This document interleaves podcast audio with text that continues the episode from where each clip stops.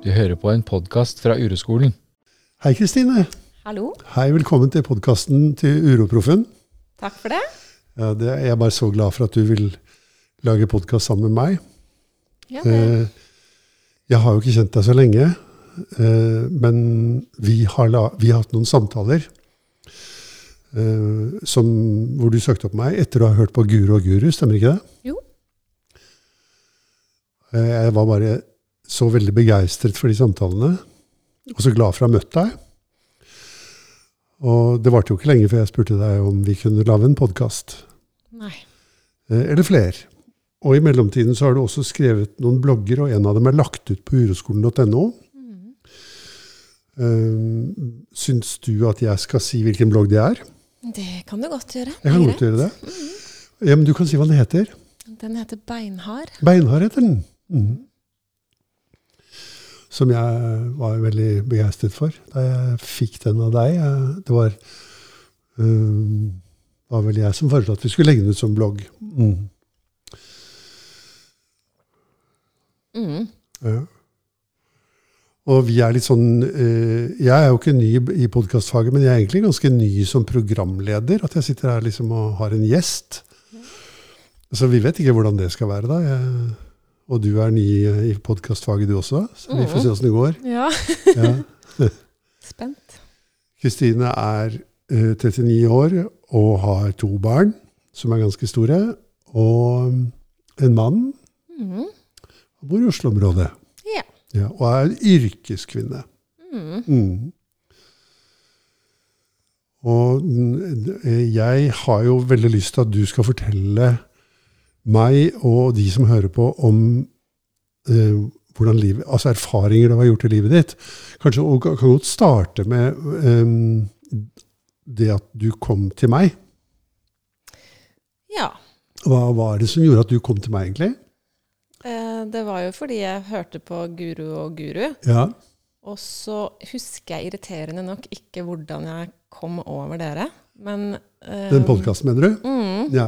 Men, men jeg husker at når jeg begynte å høre på den, så ble jeg helt Altså, jeg ble helt fjetra. Det var helt sånn Jeg fikk bakoversveis, liksom. Det var helt radikalt eh, nytt for meg, og veldig spennende. Jeg tenkte sånn Her er det et eller annet, liksom. Jeg klarte ikke å slutte å høre på det. Wow. Mm. Så jeg fortsatte å høre på det, og jeg har sikkert hørt alle de episodene fire-fem ganger. liksom. Og jeg oppdager nye gullkorn hele tiden. Det er relativt mange timer med podkasting, det. Ja, Mm. det er det. Jeg har Ja. Jeg har hester. Jeg jobber veldig mye ute hver kveld gjennom hele vinteren. ja. Og da hører jeg på. Ah, mens du holder på med dyra? Ja. Når du møkker ut og Mm. børster de og steller de, pusser de og sånn? Ja. Ja. Alt dyrestellet. ja. Så da begynte jeg å høre på dere veldig mye. Og Mm. så fikk jeg jo veldig mange aha-opplevelser underveis der. Jeg kjente bare sånn Jeg trenger Dette føles veldig riktig, da. Endelig, liksom. Jeg følte at jeg trenger Jeg bare trenger litt hjelp. Litt starthjelp, liksom, til å komme i gang. Jeg skjønte veldig godt at uh, det traff meg veldig. Her er det noe jeg trenger å se på. Som jeg ikke klarte å dykke inn i alene. Så da tok jeg kontakt.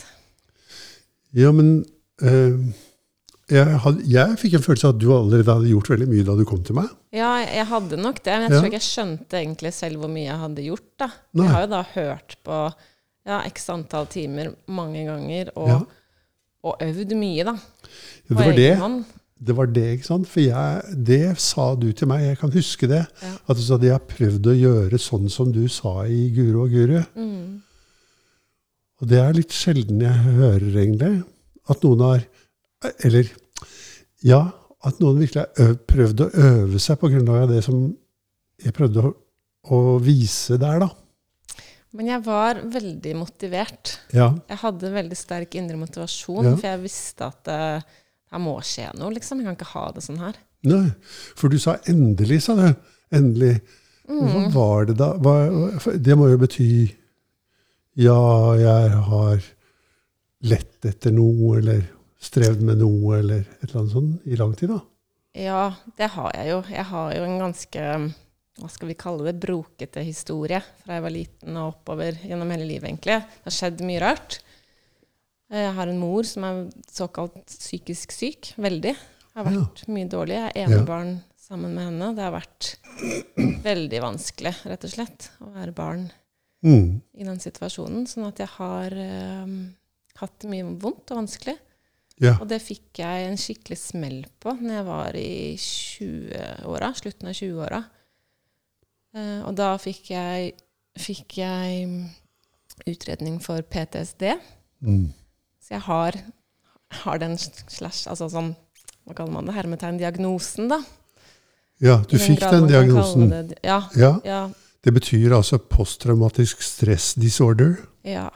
Og så har Sant, man Mm. to typer av de, da. Det Mm. er liksom type 1 og type 2. Og type 2 er den jeg har, som er når du har hatt ekstremt stress over veldig lang tid. Mm. Non stop, liksom. Mm. Så da fikk jeg jo veldig mye god hjelp for det den gangen. Jeg har vært mye på Modumbad og jeg kan all teorien rundt traumer og traumebehandling, og gjorde alt, liksom, til punkt og prikke. Og det Ja. hjalp litt der og da, men, Ja. men det løste ikke floken, liksom. Nei. Så den har jo sittet på en måte i Ja. hele tiden, da. Selv om jeg fikk traumebehandling og, og Ja. lærte mye, så har jeg liksom aldri Jeg vet ikke, det har ikke liksom løst seg opp. Floken har ikke løst seg opp. Da. Kan du si noe mer om det? Hva, hva, hva betyr det, da? Hvordan, hva, det du, hva slags erfaring er det? Hva skal jeg si? Det er en sånn følelse av at man er et offer for masse ting som har skjedd, liksom. Ja. Ja. Jeg følte liksom at jeg var så uheldig. Det var så mye ting som påvirka meg, som ikke jeg kunne på, altså, som ikke jeg kunne påvirke selv, da, som ikke jeg hadde styring over, og det var sånn stakkars meg. Og jeg hadde, følte at jeg hadde veldig mye bagasje, liksom. Var et problem, da. Du, du følte at du var et problem? Ja, liksom, det Og at bagasjen riktig, var et problem? Liksom. Hele, hele historien min og familien min og alt, det var bare sånn Det var skurr. Det var ikke riktig. Nei, det var ikke riktig, ja. Det var svakt, Ja. og det var feil. Ja. Jeg følte meg annerledes og ja. litt sånn utstikker. Mm. Og så skal man jo prøve å leve som om man ikke er feil, da. Og det blir jo veldig slitsomt over tid. ja. Eh, Jeg har bare lyst til å skyte inn at jeg har jo ikke en diagnose Altså, jeg har en diagnose, men det er en fysisk diagnose, liksom. Ja. med lungegreier. Men den følelsen at det er feil, at jeg er feil og familien min er feil, at det er noe som ikke er riktig her, den kjenner jeg meg veldig igjen i, akkurat sånn som du beskriver det. Ja. Sånn hadde jeg det også da jeg var barn. Ja. Uh, og jeg tror det er veldig mange som har det sånn, at en, en følelse av at det er noe som er gærent her. Mm. At den floken, når du brukte det ordet i stad, peker på den følelsen, gjør den det? Ja. At uh, ja, men det er fortsatt noe som er gærent her. Ja, men det er jo fortsatt noe som er gærent her. Jeg har lært veldig masse, og jeg har fått masse hjelp, og jeg har gått masse terapi. Og, men allikevel så har jeg den følelsen at det er noe gærent her. Mm. Sånn har jeg kjent, Det kjenner jeg meg veldig igjen i. Og jeg også kjenner jo veldig mange mennesker som har sagt det sånn på en eller annen måte, da. Mm. Mm. Jeg husker veldig godt når jeg gikk i traumebehandling, at det var veldig mye snakk om skam. Ja. Modum Bad snakker veldig mye om betydningen av skam, og forstå sin egen skam. Og, og jeg leste om skam, og jeg lærte om skam, jeg kjente ingen skam. Jeg skjønte ikke hva den følelsen var i det hele tatt. Nei. Jeg har, jeg har aldri skamma meg, liksom. Jeg har faktisk ikke gjort det. Jeg har vært flau over omstendighetene, liksom, og personer rundt meg og sånn. Jeg har aldri skamma meg selv over det. Jeg har ikke det. Jeg har aldri klart å kjenne på den skammen, liksom. Men så husker jeg du spurte meg sånn helt den første timen om eh, et eller annet. Jeg husker ikke hva det var. Og plutselig så skjønte jeg liksom Å ja, det er det som er skam, ja. Jeg tror du spurte meg noe sånn Hvordan er det å være deg Jeg husker ikke hva du spurte om, jeg. Nei. Men det var et eller annet sånn, så plutselig så bare kjente jeg bare sånn eksplosjon. Og så, skjønte, så sa du ja, det der er skammen. Ja. Og så skjønte jeg det. ja. Og det var veldig rart Og for meg. den var inni kroppen? Mm. Ja, for du, da du sa det, ja, der er det så, så tok du på brystet ditt. Ja, Ikke sant? Litt høyt på brystet. ja. Mm. Men jeg har rett og slett levd et langt liv. Jeg har blitt Altså, jeg er verdensmester i å skjule følelser. I å ha skyldfølelse? Nei, å skjule følelser. Å skjule følelser, ja. Jeg fortreng, altså, fortrenger det, bare er det det jeg kan best i verden. ja. Og bare ta på meg en sånn jern... Men det er jo ikke lite vi, Da må jeg jo nesten le, fordi eh, verdensmester i det faget der, det er jo Da er du god, altså.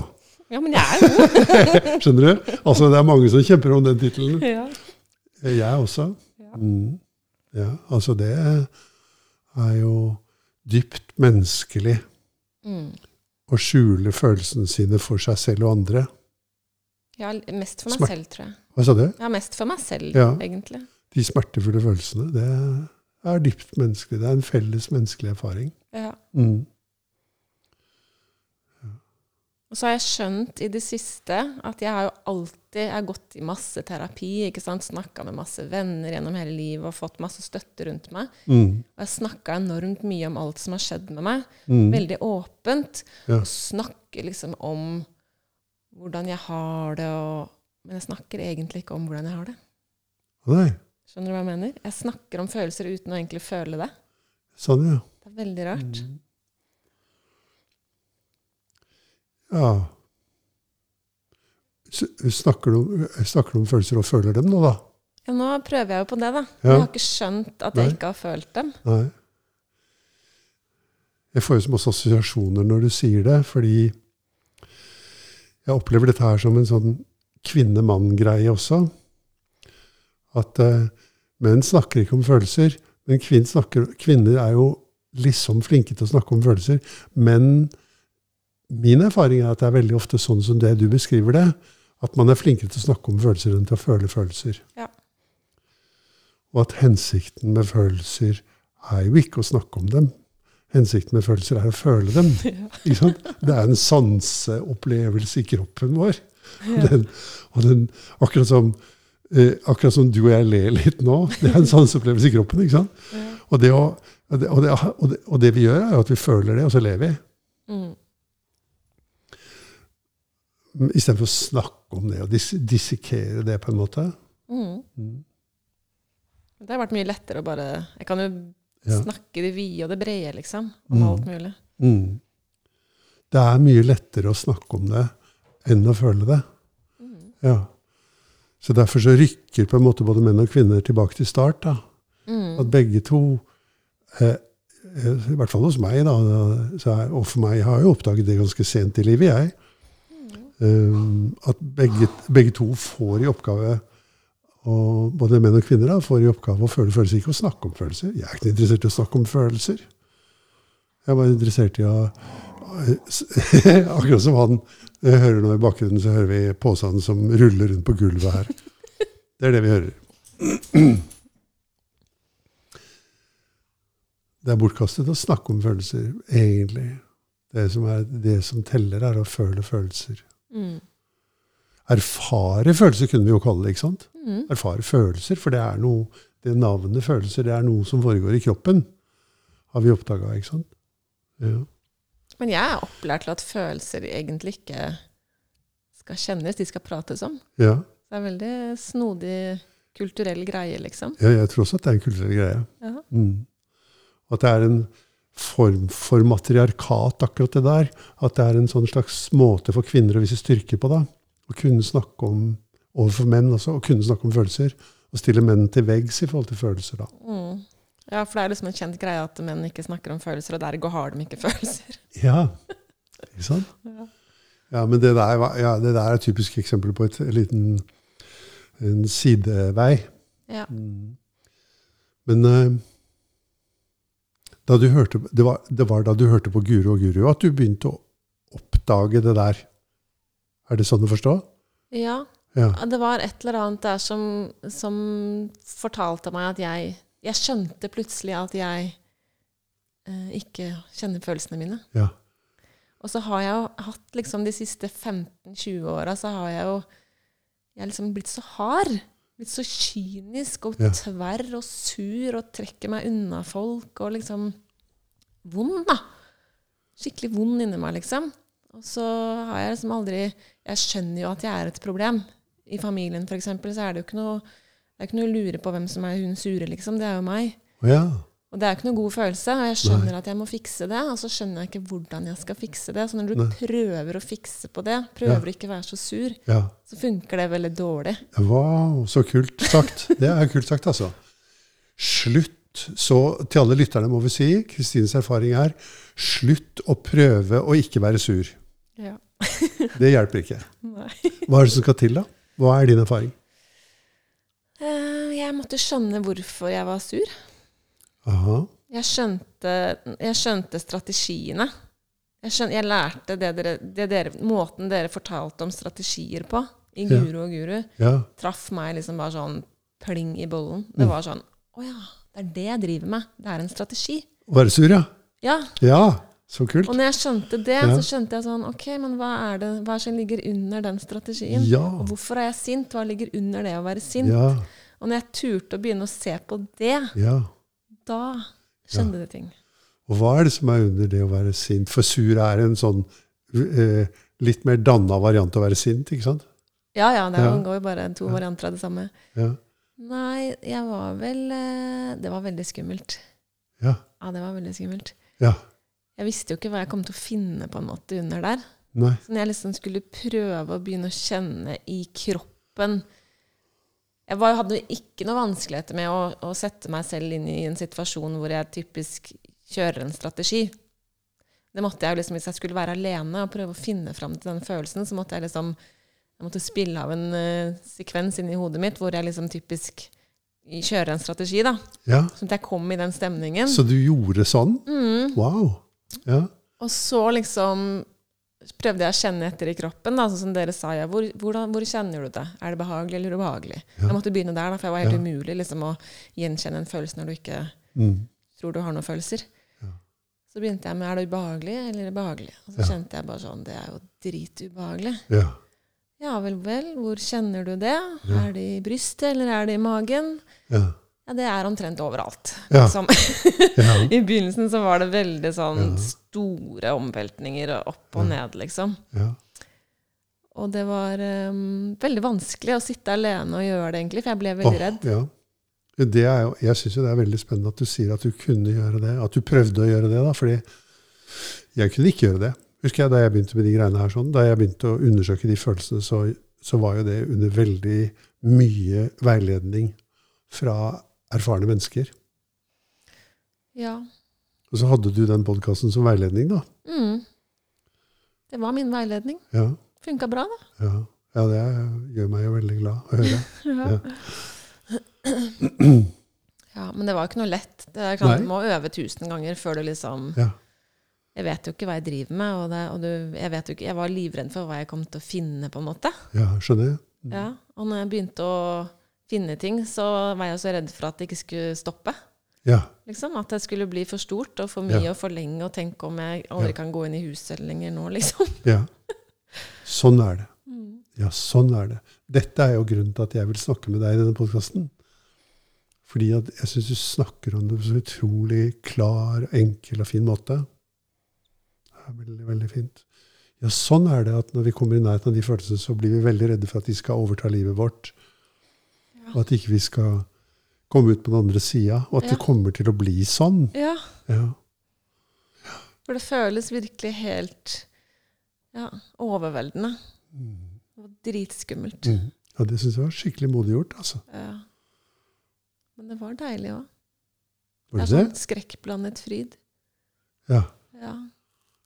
Hva var så deilig? Jeg vet ikke, det er akkurat som du plutselig får blod til en arm igjen, liksom. Altså, At det får- ja, kribler sånn, ja. litt, Ja. liksom. Eller sånn at noe kommer til liv, da. ja. Så det var jo deilig, men veldig skummelt. Og så var det utrolig godt etterpå. ja. Jeg husker den første timen med deg hvor du, hvor du liksom manet fram en, en følelsesreaksjon i meg. Og så sa, veiledet du meg så fint da underveis og sa sånn Ja, nå ser jeg at uh, du blir beveget her, eller et eller annet sånn. Og så Ja, nå ser jeg det nærmer seg en topp. Nå kommer det snart til å gå over. Og det gjorde det. Mm. Og det var veldig trygghet når jeg hadde gjort det noen ganger, og bare husker på det at en følelse er bare som en bølge. ja. Den glir bare forbi, liksom. Og så går den over. Det går over i noe annet. Ja. Den vil aldri vedvare. Ja. Og det er liksom min store trygghet. Det er det jeg alltid ser på når, det er liksom, når, det, når det stormer i meg. Så bare tenker jeg sånn Bare tell nå til ti. Det kommer til å gå over. Og det gjør det. Det er altså så verdens viktigste hemmelighet, ikke sant? Mm. Som du har fått tak i der, da. Ja. Og det er at følelser de har en sånn bølgefasong. De kommer, og de er varer litt, og så går de igjen. Og det er ikke snakk om veldig lang tid. Nei. Men det som også er sant, at jo mer man sier ja til den, til følelsen, da Si ja, jeg vil føle deg. Og så øver man seg på å føle det, jo kortere blir bølgen. Ja, men det har jeg veldig erfaring på. fordi når jeg er sur, Ja, så trykker jo den følelsen på. Og, Ja. og lekker sikkert litt ut. ja. Og så trykker jeg den ned med å være sur, og så går jeg og surmuler. Kan gå i dagevis. ja nettopp. Mens hvis jeg liksom slipper den til, så er den jo borte på et minutt. Mm. Veldig bra. Så det betyr jo at? Depresjon betyr at man presser noe ned. Så sur er en depressiv strategi. Ikke sant? Den presser følelsen ned, da. Og erstattes av en form for tilbaketrukkethet. Ikke sant? Ja, det kjenner jeg meg veldig igjen i. Mm. Og det har du også snakket en del om i mange Ja. podkaster, egentlig. Om Ja. det, hva som egentlig er depresjon, da. Ja. Jeg er jo alltid, altså Moren min er jo bipolar. Ja. Det man kalte manisk depressiv da, i gamle dager. Ja. Hvor den ene er en bølgedal med depresjon. Og da har jeg liksom lært at depresjon nei, da ligger du og sover hele tiden, eller du gråter veldig mye, du kan ikke stå opp av senga, og du er bare sånn kjempetrist. Men det er jo ikke det. Å nei? Depresjon trenger jo ikke å være det. Nei. Det kan jo være bare at du er flat. Ja. Det er at du er flat. Ja. Mm. Det er at du er flat. ja. Mm. Det var veldig aha-opplevelsen. Jeg skjønte at jeg har antageligvis vært litt deprimert gjennom store deler av livet mitt fordi jeg har ikke hatt tilgang på følelser. Da. Ja, fordi at jeg ikke har lært å føle de, Mm. sånn som du sa i stad. Ja. Det er bare derfor at det er akkurat sånn som du beskrev det. Jeg blir så redd for at de skal overta livet mitt, derfor så legger jeg lokk på de, og et av lokkene er surhet. Mm. Og et annet er jo f.eks. å jobbe veldig mye, eller gjøre seg selv hard, som du sa. Eller drikke, eller mange forskjellige ting som er depressive strategier, Ja. og som holder vonde følelser nede. Mm. Så ligger de og stanger opp mot det lokket av strategi, da, akkurat som du sa. Og det gjør de jo selv om man har en diagnose. liksom. Den diagnosen er jo noe man Det er noen som har satt navn på å ha det sånn. Og det har jo sine sider å få et sånt navn Ja. knyttet til seg. Hvordan er det for deg nå? Opplever du deg selv som eh, Hva var det, en PTSD? Nei, det har jeg aldri tenkt på. Jeg har aldri følt noe Nei. på at jeg har en diagnose. fordi Nei. Eller vet egentlig ikke hvorfor det. Jeg har aldri kjent så veldig på at jeg har det, eller er det, på en måte. Så fint. Fordi jeg har jo ikke kjent på noen ting, så det Nei, men det betyr jo, det er jo veldig positivt det da, at du, du har sluppet å identifisere deg så veldig med det. Tror du moren din har identifisert seg med den diagnosen som heter bipolar da? Jeg er bipolar. Ja, veldig. Det tror jeg også at veldig mange gjør som har en sånn diagnose. At man kan være bipolar, men det er jo usant. Det er jo direkte usant at man kan være bipolar. Man er ikke bipolar.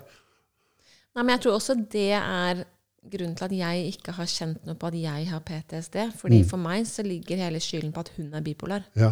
Det er jo ikke min skyld. Det er Mm. hun som er bipolar. Mm.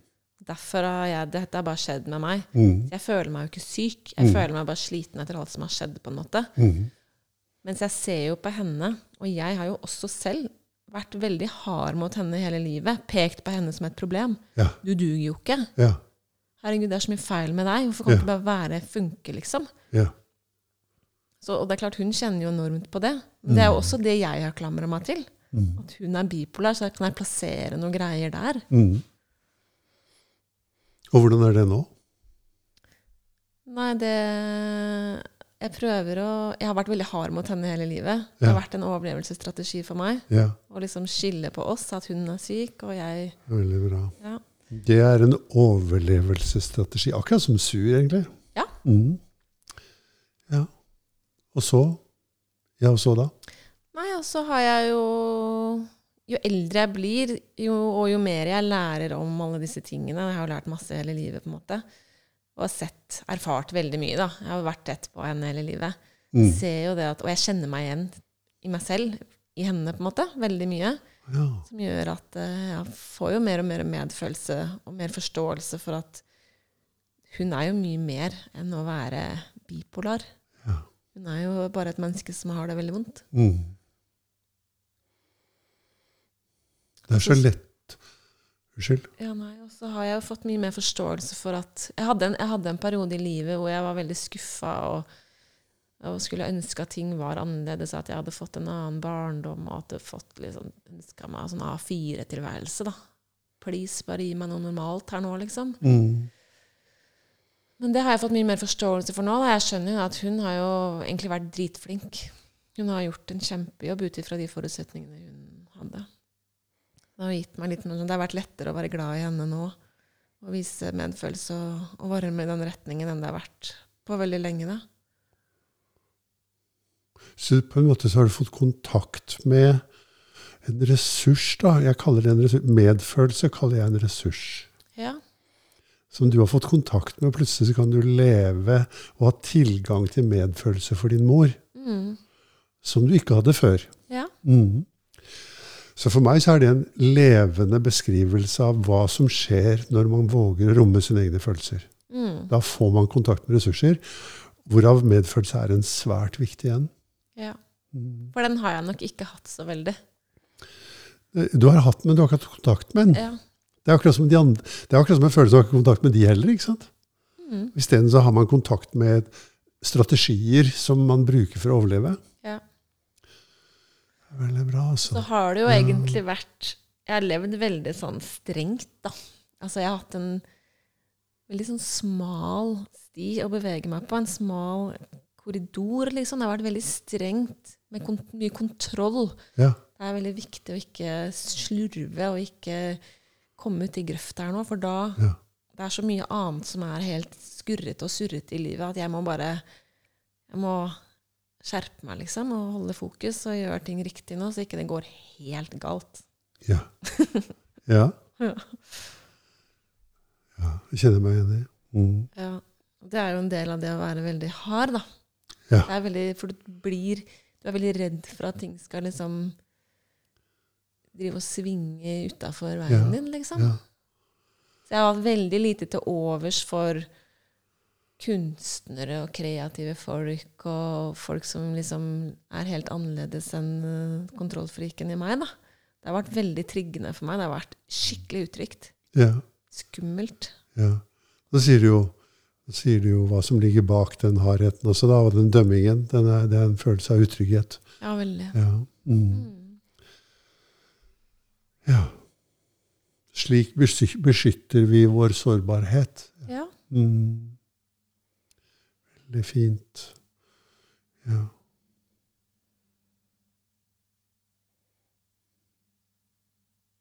Ville du at det skulle vært annerledes? Um, I dag nei. Men Åh. det er ikke lenge siden jeg ville sagt ja. Ja. Uh, og jeg har hatt den absolutt størsteparten av livet mitt ville jeg sagt ja, og jeg har gått rundt og håpa på at mamma skal bli frisk en gang. Mm. Liksom. At, det skulle, Mm. at hun blir vanlig. Mm. Og at jeg kunne bare bo liksom vanlig. Ja. Være et vanlig barn som ikke Ja. trengte å passe på en voksen. Ja. Som ikke var så sliten hele tiden. Og alt, Ja. alle de issuesene, liksom. ja. Du, kan vi, kan, jeg får så veldig lyst når du sier det sånn Den lengselen etter å være et vanlig barn. Mm.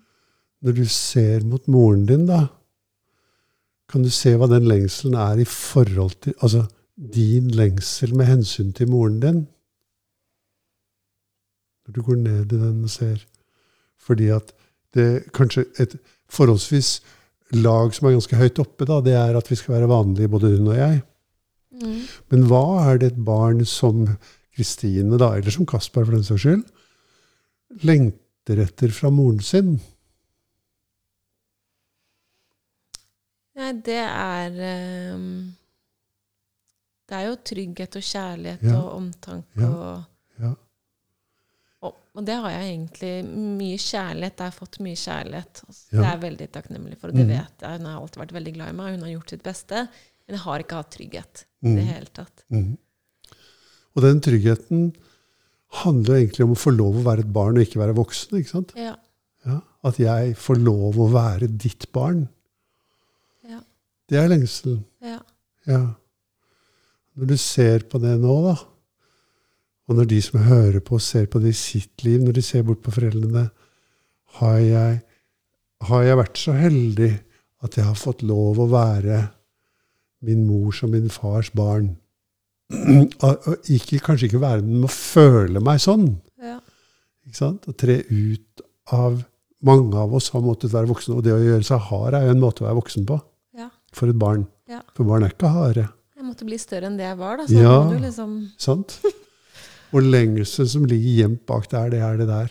mm. Å få lov å være barnet ditt og føle meg trygg hos deg. Mm. Ja. Og den, det er jo veldig mange av oss som har den erfaringen. at Det det er veldig forståelig at man har den lengselen, men virkeligheten var ikke sånn. Nei. Og så tenker vi at det er galt. Eh, Men det er jo bare en vurdering av en virkelighet som er sånn som det er. Det er veldig, veldig veldig mange av oss som som barn opplever å ikke føle oss trygge som barn. Mm. Det er en helt, helt normal erfaring, ikke sant? Ja. Og det har jeg også tenkt mye på, at hadde jeg ikke hatt de tingene, eller hadde jeg ikke opplevd de tingene jeg har opplevd, så hadde jeg jo hatt andre ting. Det er jo ikke sånn at, det er ja. ikke sånn at eh, hvis jeg kunne strøket de tingene fra livet, så hadde alt vært bra. Nei. Altså, det hadde jo ikke det. Mm. Men det har ikke jeg skjønt før nå. ja. Jeg har liksom hatt en forventning om at ting skal være bra. Mm. Bare rydd bort alt det som er vondt, Mm. så er det som det skal være. ja. Og jeg har jo gjennom all den behandlingen jeg har fått oss opp igjennom, så har jeg jo vi har, de har blitt, sånn- Det har vært mye snakk om at jeg må ta avstand da, til mamma. Fordi At du må gjøre det? Ja, for å beskytte meg selv. Da. Ja, sånn, Jeg har jo blitt opplært i å trekke meg unna Ja, henne ja. som en løsning.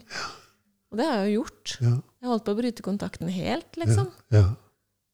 Jeg har jo ønsket meg til utlandet, jeg ønsket at hun skulle bli borte, og jeg, jeg vet ikke hva, liksom. ja. Som en løsning, da. Mm. Det er jo helt uh, meningsløst. Men man ser jo det at, no, at for noen barn så er det den eneste mulige praktiske måten å leve livet på. Det er å holde avstand til foreldre. Foreldre som er voldelige eller tilstrekkelig gale eller sånn. Men det tar ikke bort det du og jeg nettopp har snakket om, nemlig den dype, dype lengselen. Nei. Og jeg tror jo det er helbredende å kjenne det. Ja. Og det, å eie det, at det som egentlig Istedenfor at jeg er sinna på mor, så er jeg egentlig har jeg, bærer jeg på en dyp lengsel og en smerte over å ikke føle meg trygg ved mors føtter, på en måte. Mm. Eller fars. Og til helbredende ligger i å erkjenne og eie den følelsen. Mm. Og sånn har det vært å være meg, at jeg måtte skyve den følelsen til side. Og isteden gjøre meg hard eller voksen eller gjøre meg større enn jeg er, som du sa. ja. Mm. Men det var liksom ikke noe alternativ, egentlig, å sette seg ned og se på virkeligheten sånn som det var. Altså, det var Mm. uutholdelig, liksom. Mm. Jeg kan ikke skjønne hvordan jeg skulle klart å gjøre det annerledes. Nei. Helt enig. Kunne ikke, jeg er i hvert fall sikker på én ting, at du kunne ikke gjort det annerledes. Nei, jeg tror ikke det. Nei. Så når du sa nei, nå vil jeg ikke at ting skal være annerledes, så må det inkludere deg òg, da. At jeg kunne heller ikke gjort ting annerledes. Ja, og, og det var det jeg skulle si i stad, egentlig, som jeg tenkte på, var at uh, jeg har liksom Jeg har merka med meg selv mange ganger gjennom livet at jeg er en hard, iskald fisk, liksom. Altså, jeg har kjent at jeg kunne fint hatt litt større medfølelse. Mm. Eh, og at jeg er streng, og at jeg er hard og stiller mye krav til andre folk. Og, og fint ser litt ned på de som Litt sånn svakhet og alle ting som liksom lukter litt av, liksom. Det Mm. Mm. ser jeg ned på. Det kan jeg fint dømme, liksom. Jeg har vært veldig sånn. Eh, og jeg har ikke klart å endre på det. Jeg har Mm. liksom prøvd å fortelle meg selv at det, nå, det der er ikke noen gode egenskaper. Må skjerpe deg litt. Liksom. Liksom. Så har jeg ikke klart å gjøre det. Nei. Men det har jeg merka nå, egentlig, det siste året, kanskje, at når jeg har blitt litt snillere med meg selv, så er det lettere å være snillere med andre. Mm. Men jeg klarer ikke å være snill. Eller snill, jeg er jo ikke slem, men, men jeg klarer ikke å ektefølt, ha ektefølt medfølelse for andre når jeg ikke har det for meg selv. Wow. Det er så sant. Ja. Og hva betyr det å ha medfølelse for seg selv? Når du sier det sånn. Jeg tenker på det som at jeg aksepterer at ja, sånn er jeg. Ja, Sånn er det, og sånn Ja. er jeg. Og jeg gjør det beste jeg kan. ja, Og det er godt nok. ja.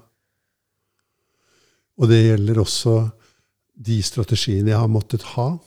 Mm. Mm. Ja. Og det gjelder også den sårbarheten som ligger bak de strategiene. Ja. At den er så stor og så overveldende og truer med å sluke meg eller fylle hele livet mitt med hjelpeløshet. Mm. Og at jeg derfor har trodd at jeg måtte gjøre meg hard. Mm. Ja. Men jeg må jo si at de strategiene jeg har oppdaget at jeg har, de sitter veldig dypt. Det er ikke sånn at når jeg nå har sett de og øvd litt på det, og klart det fint noen ganger, så går det bra hele tiden. For det Mm. gjør det ikke. Mm. Du ramler inn i det? Det ramler inn i det Ja. baklengs og sitter fast godt, liksom. ja. Og det, og det kjenner jeg at det er sånn ett skritt fram, to tilbake, liksom. Eller kanskje to skritt fram og Ja, tilbake, da. kanskje. Ja. Kanskje. Eh, det, det virker i hvert fall sånn på meg på det du sier, eh, at eh, her er det også en veldig fin bevegelse i en retning av større frihet. Men jeg liker å snakke om det der på en sånn nevrofysiologisk måte, nemlig at Husk på i alle de årene du har trent på den atferden og at den atferden det, det er nesten som at du hadde lært å spille trekkspill da du var fem år. Og så har du spilt og spilt og spilt og spilt trekkspill. Da er det inni nervesystemet ditt, så at du veit hvor alle knottene er. Mm. Du trenger ikke se på det, du trenger ikke konsentrere deg om det. Du kan flyte Ja, med går, musikken. ja. Du har det sikkert sånn med ridning. Ja. Ja. Trenger ikke å tenke noe på det, nei. Trenger ikke tenke noe på det. ikke sant? Og det er mange, Skrive håndskriften din har du det sånn med, og mange ting. Snakke og mange Gå. ting. ikke sant? Gå, ikke sant? Det er veldig mange ting som er sånne opptrukne stier eller veier som er tydelige i nervesystemet vårt. Og de strategiene er slik. Og Det betyr at hvis ikke vi er alert, altså oppmerksomme på oss selv, så ramler vi bare inn der. Og det er sånn Jeg tror at det tar veldig lang tid før stier gror til. Ja. Sant? Mm. Når de først har blitt en ordentlig sti i nervesystemet. Og da må vi jo se på det med medfølelse også. da. Absolutt. Og da kanskje vi klarer å se på andre stier med medfølelse også. At alle mennesker har sånne stier. liksom. Sånne ve veldig fastgrodde eller veldig innøvde mønstre som kommer som de bare, Det skjer før man får tenkt seg om, før man har sagt A. Ja. Men det er jo fin ting at bare det at jeg har fått forståelse for at mennesker har strategier, og at alle mennesker har sine strategier. Ja. Jeg trenger ikke å mestre strategiene mine eh, og på en måte få god kontroll på det før jeg egentlig forstår dine strategier. Da. Nå, nå ser jeg det jo i alle andre mennesker også, og da er det mye lettere å ha medfølelse for dem. Ja. Så selv om jeg ikke alltid får det til selv, så ser jeg det jo helt klart. ja. Både i meg selv og i andre. Jeg også. Tenk på hvor mye jeg har sittet og trent på dette her da, og snakket med folk om dette nå i veldig mange år. Ja. Men jeg har jo de samme strategiene fremdeles, jeg også. ja. Og den aller viktigste strategien jeg har, og den aller viktigste strategien du har, og som alle mennesker har, er tenkning. Det er at vi, tenk, at vi nærmer oss livet fra tenkningen, Mm. istedenfor at vi nærmer oss det fra sansingen. Mm. Og det, jeg bruker utrolig mye tid på å tenke bare visvas, liksom. ja, visvas. Ja. Ja, For det er jo ikke til noe. Det kommer ikke noe ut av det. Nei. Jeg må jo si at jeg også tenker ting som jeg syns er veldig nyttig for meg. Ja. Eh, og som til og med er nyttig for andre, har det vist seg, da. Ikke Ja. sant? Det er jo veldig gøy. Men, eh, men utrolig mye tid hvor jeg bare ramler inn i en tenkning som er altså kaotisk. ja.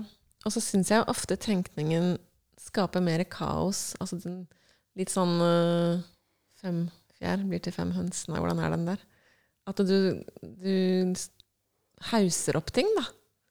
Ja. Lager deg liksom sånn Mm. historier i huet som bare ikke hører hjemme noe sted. Ja, som bekrefter at det er noe gærent et sted. Ja, ja. Ja, Kritikeren holder et show helt ut av en annen verden, liksom. ja. ja det er helt sant. Men allikevel så skjer det. Ja, det skjer, det. Mm. Og at ofte så er det det første som skjer hos meg, det er at jeg går en runde med reaktiv tenkning. Tenkning som skal bekrefte at det er noen andres feil, eller at det er min feil. Ja. Uro, som, en tenkning som er drevet av uro, da. Det holder jeg på med. Og så, når jeg oppdager det, så har jeg lært meg noe som gjør at jeg kan stoppe det. Og det at jeg flytter Eller jeg kan jo egentlig ikke påstå at jeg stopper det, men jeg flytter oppmerksomheten bort fra det. Ja. Det er min måte å forholde meg til tenkning som jeg ser er meningsløs eller lite konstruktiv. Det er å flytte oppmerksomheten bort fra den. Å ja, nå holder jeg på med det. Da med vilje flytter jeg oppmerksomheten til noe annet. For eksempel eh, Jeg går på tur med Påsan, ikke sant? Altså, plutselig så oppfatter jeg naturen rundt meg, eller noe sånt, istedenfor Ja. at jeg er inne i bare oppfatter tankene mine. Eller jeg lager mat og konsentrerer meg om hvordan jeg skjærer opp poteter, eller Mm. hva det nå er, da. Men kan ikke det også være en litt sånn at det blir til en strategi, da? Fordi man kjenner at man tenker så mye, da, og det tar helt overhånd, og så begynner man å fader, trene eller jobbe eller gjøre ting for å for Jo. Man orker ikke den tenkningen. Ja, Hvor går liksom grensa mellom ja jeg tror, jeg, jeg tror eh, at det, det fins en type fortrengning som er veldig nyttig, og det er fortrengning av, av meningsløs tenkning. Det er svært nyttig for menneskene. Ja. Å lære seg å skille mellom konstruktiv tenkning og meningsløs tenkning, og så aktivt fortrenge den ved at man isteden gir oppmerksomhet til noe annet. Den typen fortrengning vil jeg sterkt anbefale. Ja, ok, så det er greit. Ja, det er, det er nyttig.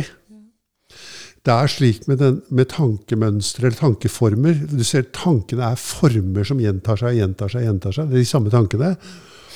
Og, og jo mer du ser på, altså er oppmerksom på en form, jo sterkere blir det nevrologiske mønsteret. Og jo mer du ikke gir oppmerksomhet, jo svakere blir det. Ja. Det er sånn som med stien. ikke sant? Mm. Det er derfor. Derfor er det veldig nyttig å lære seg det. Å ja, det der driver jeg med hele tida. Liksom. Ja, da flytter jeg oppmerksomheten bort. Og hva du gjør da, det, eh, det er på en måte sekundært. Ikke sant? Hva, hvilken ting er det som har kraft i seg til å holde oppmerksomheten isteden? For det må være noe som har, er noe attraktivt. da. Mm. Du klarer ikke å holde noe i oppmerksomheten som ikke har noe attraksjon ved seg. Men det du snakker om nå, da er jo du selv i kontroll over fortrengningen. Ja, I forhold til når man fortrenger noe som Altså fortrenger en følelse med å lage seg en strategi, f.eks. Det Ja. er jo noe annet igjen. ja. Jeg vil ikke anbefale å fortrenge Nei. følelser. For følelser er sans... For, for følelser er virkeligheten. Mens tenkningen er kommentarer til virkeligheten. Håndtering eller baling med virkeligheten. Det er derfor.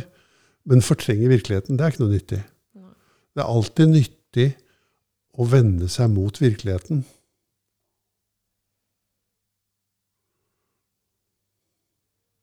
Ja, å inkludere virkeligheten si eh, Det er jo nesten det du sa i stad. Liksom, nei, jeg vil ikke at ting skal være annerledes. Å vende seg mot virkeligheten, så kan jeg være med virkeligheten og inkludere den og si ja til den slik den er, istedenfor å si ja til Jeg sier jo ja til at jeg har de tankene, men jeg, men jeg flytter oppmerksomheten bort fra det.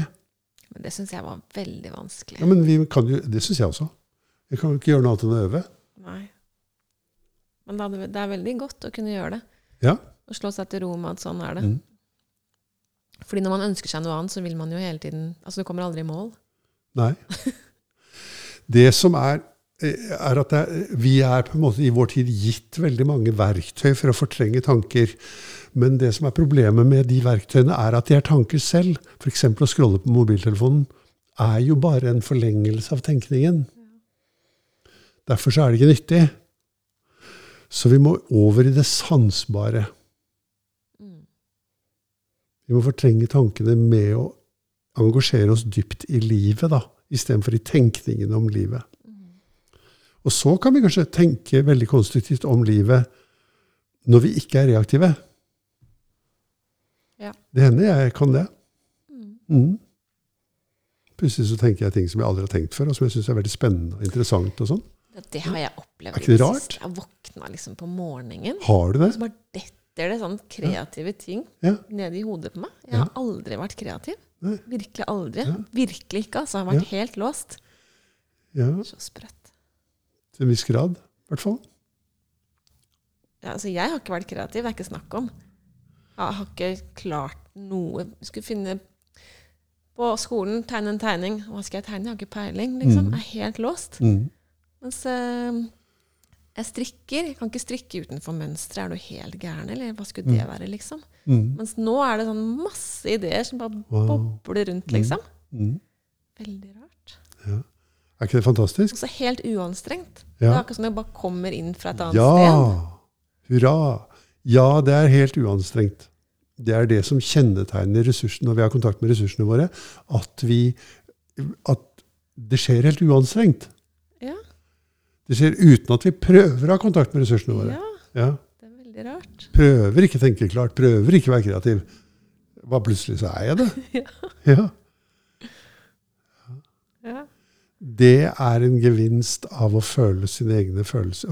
Eller romme uroen, da. Være sammen med de vonde følelsene. Ja.